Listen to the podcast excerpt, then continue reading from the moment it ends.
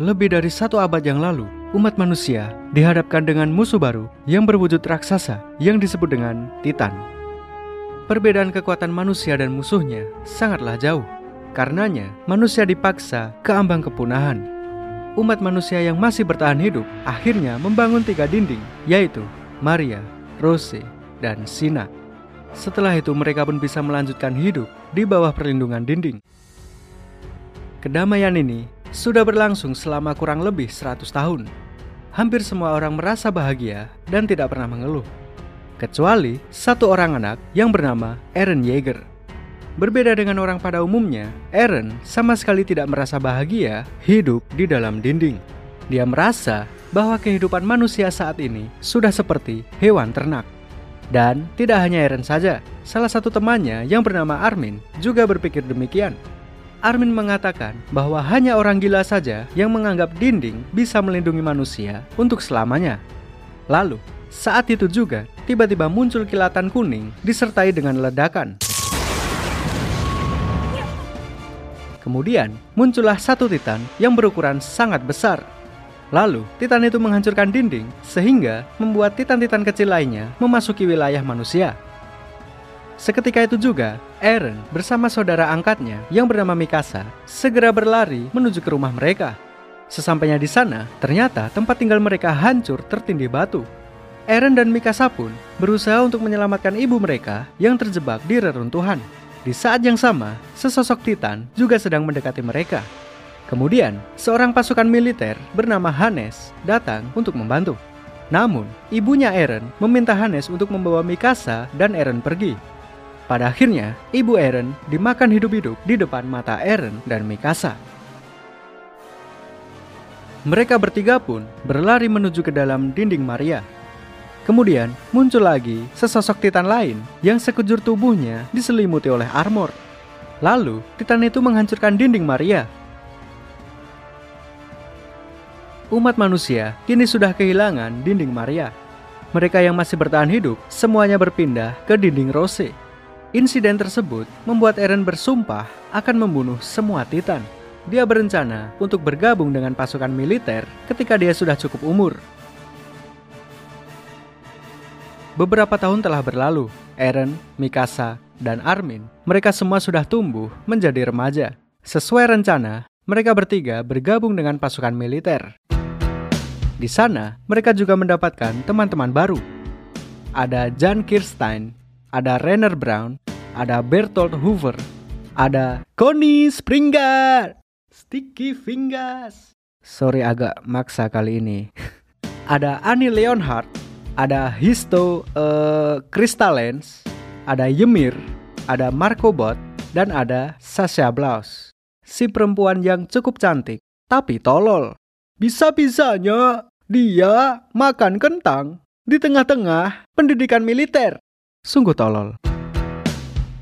Pertama-tama, mereka belajar tentang kelemahan Titan dan bagaimana cara membunuhnya. Titan sendiri terbagi menjadi beberapa jenis. Yang pertama adalah Titan biasa. Titan biasa adalah Titan lemah yang pergerakannya bisa dengan mudah diprediksi. Yang kedua, ada Titan abnormal. Titan abnormal sebenarnya termasuk jenis Titan lemah hanya saja, pergerakan mereka sangat sulit diprediksi. Biasanya titan abnormal bisa berlari atau bahkan melompat.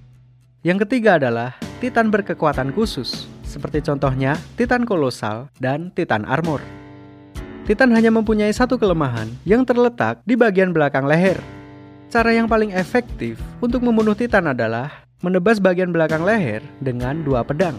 Dua pedang tersebut juga tersambung dengan sebuah alat yang disebut dengan 3D Maneuver Gear.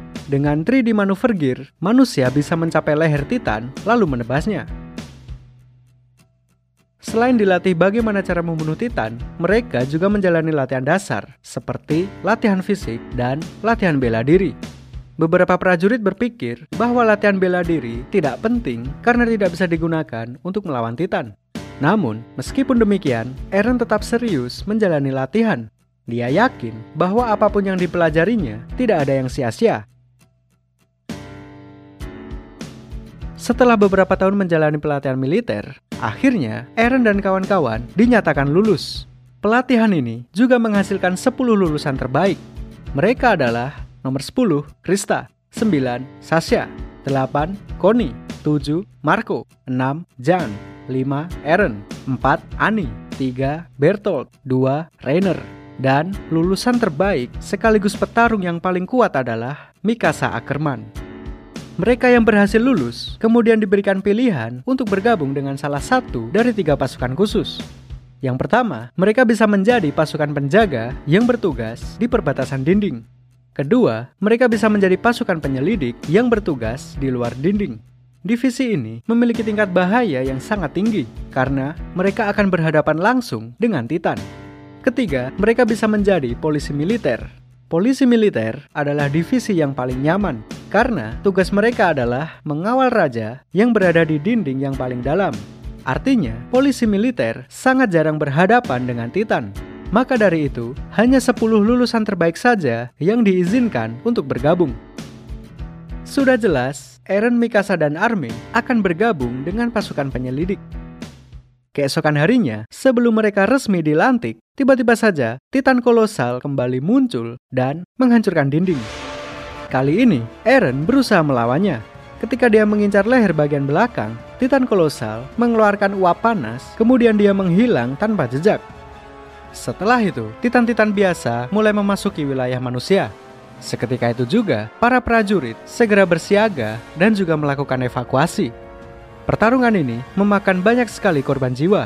Ada banyak prajurit yang tewas dimakan Titan, dan ada juga yang mengalami mental breakdown hingga memutuskan untuk bunuh diri. Begitu pula dengan Armin, dia hampir saja tewas dimakan Titan. Namun, di saat-saat terakhir, Eren berhasil menyelamatkannya. Begitu Armin selamat, Eren lah yang tewas ditelan oleh Titan. Gila ya, udah capek-capek latihan, ujung-ujungnya tewas juga dimakan Titan. Kalau tahu begini, mending rakit PC. Wow, wow, wow, wow. Beberapa jam kemudian, kabar kematian Eren akhirnya sampai di telinga Mikasa. Mendengar kabar kematian Eren, Mikasa langsung kehilangan semangat hidup. Dia hanya terdiam meskipun di dekatnya ada Titan yang mengincarnya. Kemudian, secara mengejutkan, muncul satu Titan lain yang menyelamatkannya. Titan yang satu ini cukup unik karena dia bisa menggunakan teknik bela diri manusia. Semua pergerakannya sangat efisien karena dia langsung mengincar leher Titan. Anehnya lagi, dia tidak tertarik sama sekali dengan manusia. Kejadian ini membuat Armin mendapatkan ide baru. Dia berniat untuk memanfaatkan Titan itu untuk menyelamatkan prajurit yang lain. Rencana Armin bisa dibilang berhasil. Titan itu bertarung mati-matian sampai kehabisan tenaga. Lalu, secara mengejutkan, Eren Yeager muncul dari dalam tubuh Titan tersebut. Di sini terungkap bahwa Eren adalah manusia yang bisa berubah menjadi Titan. Setelah kejadian itu, Eren, Mikasa, dan Armin diinterogasi oleh para prajurit. Banyak sekali orang-orang yang ketakutan dengan Eren. Eren mencoba untuk menjelaskan bahwa meskipun dia Titan, dia tetap berada di pihak manusia. Namun, penjelasannya tidak dipercaya. Bahkan, mereka bertiga ditembak dengan menggunakan meriam. Eren tidak punya pilihan lain. Dia berubah lagi menjadi Titan untuk menahan meriam tersebut. Kemudian, Armin menjelaskan kepada semua orang bahwa Eren bukanlah musuh umat manusia. Malah, ini justru menjadi hal yang bagus, karena umat manusia bisa memanfaatkan kekuatan Titan untuk merebut kembali kota yang sudah hancur. Tak lama kemudian, seorang komandan pasukan penjaga yang bernama Pixis datang ke tempat itu. Dia pun setuju dengan rencana memanfaatkan Titan sebagai senjata. Misi baru pun akan segera dimulai, Rencananya adalah Eren akan berubah menjadi Titan, lalu mengangkat batu besar untuk menutup lubang pada dinding. Namun sayang sekali, rencana mereka tidak berjalan mulus. Ketika Eren berubah menjadi Titan, dia kehilangan kendali atas dirinya. Tanpa sadar, dia menyerang Mikasa. Mikasa berusaha untuk meyakinkan Eren. Lalu yang terjadi adalah Eren tanpa sengaja memukul kepalanya sendiri hingga pingsan. Kejadian ini membuat Armin segera bergegas menuju ke tempat Eren. Lalu, dia menusuk leher Eren dengan maksud untuk membuatnya sadar. Perjuangan Armin cukup membuahkan hasil. Eren berhasil tersadar, lalu dia segera mengangkat batu besar sesuai rencana. Dan pada akhirnya, rencana menutup dinding berhasil dilaksanakan. Setelah berhasil menutup dinding, langkah selanjutnya adalah membersihkan semua titan yang masih tersisa. Di saat yang sama, pasukan penyelidik juga datang untuk membantu. ini adalah kemenangan pertama bagi umat manusia. Setelah pertempuran selesai, segera dilakukan pembersihan mayat-mayat prajurit yang sudah gugur. Lalu, Jan tanpa sengaja bertemu dengan Marco yang sudah menjadi mayat. Sayang sekali, tidak ada yang tahu bagaimana Marco bisa mati. Sementara itu, Aaron saat ini sedang berada di penjara. Dia juga diawasi oleh dua orang hebat dari pasukan penyelidik. Mereka adalah Erwin Smith dan Levi. Detik itu juga, Aaron langsung diterima bergabung dengan pasukan penyelidik. Namun, sebelum resmi dilantik, Aaron harus menjalani sidang terlebih dahulu. Sidang ini akan dipimpin oleh panglima tertinggi dari semua pasukan militer yang bernama Zaklai. Persidangan ini akan membahas apakah Eren layak untuk dibiarkan hidup. Meskipun Eren sudah berjasa menutup dinding, namun masyarakat masih belum bisa mempercayai Titan. Dikhawatirkan, jika suatu saat Eren mengamuk, dia bisa dengan mudah menghancurkan kota. Ada banyak sekali orang-orang yang menginginkan Eren mati, termasuk pasukan polisi militer. Kemudian, Erwin Smith dengan gagah berani mengatakan bahwa dia akan menerima Eren ke dalam pasukan penyelidik lalu merebut kembali dinding Maria dengan memanfaatkan kekuatan Titannya. Lalu untuk meminimalisir kerusakan, pasukan penyelidik bersama Eren akan berpindah markas di luar dinding. Dengan begitu, masyarakat yang berada di dalam tidak perlu khawatir lagi. Dan jika suatu saat Eren mengamuk, pasukan penyelidik mempunyai Levi yang bisa dengan mudah membunuhnya. Penawaran Erwin akhirnya diterima oleh Zaklai. Eren sekarang sudah resmi bergabung dengan pasukan penyelidik. Tentu saja, Eren diawasi oleh skuad khusus yang dipimpin oleh Levi. Ada Petra, ada Auruo Bosat, ada Eltjin, dan ada Gunter. Mereka adalah orang-orang yang mempunyai kemampuan bertarung yang hebat di antara anggota yang lain. Kemudian, Eren juga bertemu dengan anggota lain yang bernama Hanji. Dia adalah anggota yang bertugas untuk meneliti Titan. Apa saja yang diteliti? Ada banyak, seperti contohnya, apa itu Titan, dari mana asalnya, Kenapa Titan memiliki tubuh seperti manusia? Apakah Titan merasakan rasa sakit? Kenapa Titan cenderung aktif di siang hari? Dan lain sebagainya.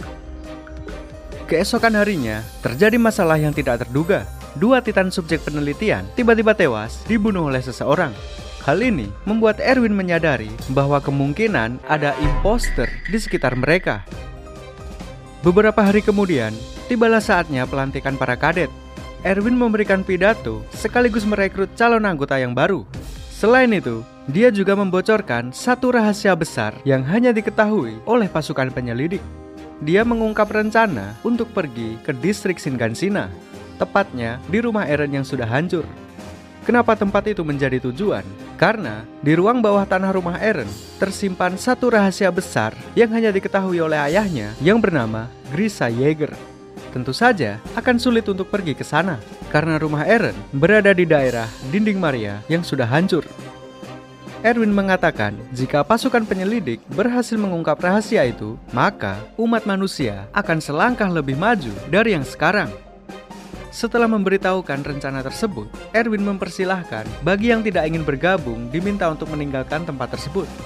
Secara mengejutkan, teman-teman seangkatan Eren semuanya bergabung dengan pasukan penyelidik. Mereka adalah Mikasa, Armin, Jan, Sasha, Connie, Rainer, Bertolt, Krista, dan Ymir. Hanya satu orang saja yang bergabung dengan polisi militer. Orang itu adalah Ani.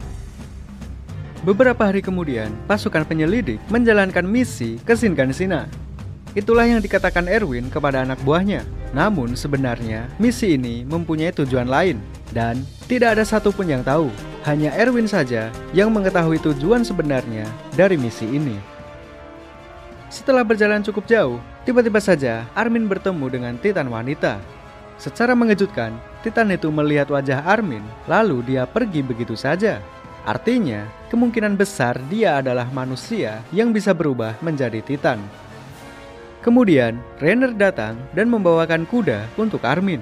Lalu, Jan juga bergabung bersama mereka.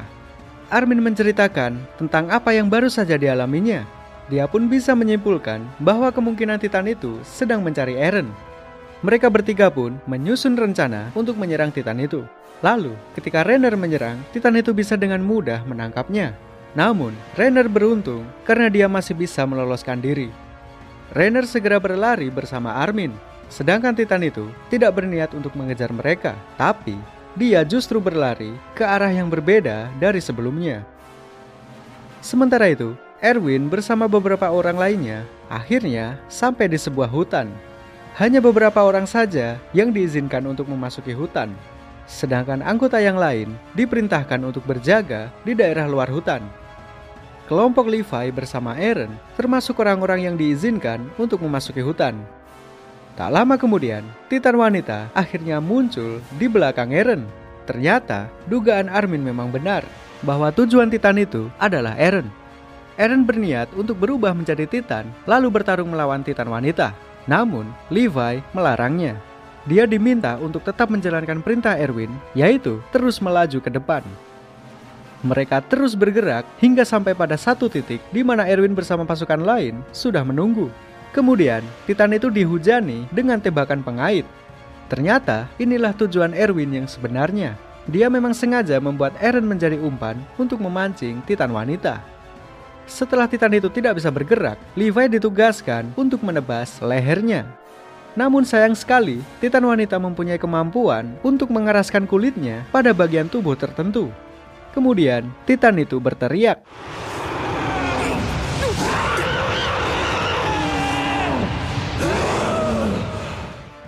Lalu, tiba-tiba saja datang segerombolan Titan lain yang memakannya. Hal ini membuat Titan wanita berhasil melarikan diri Lalu dia pun menyamar sebagai salah satu anggota pasukan penyelidik. Kemudian, orang itu mendatangi tempat Eren dan dia pun berhasil membunuh Gunter.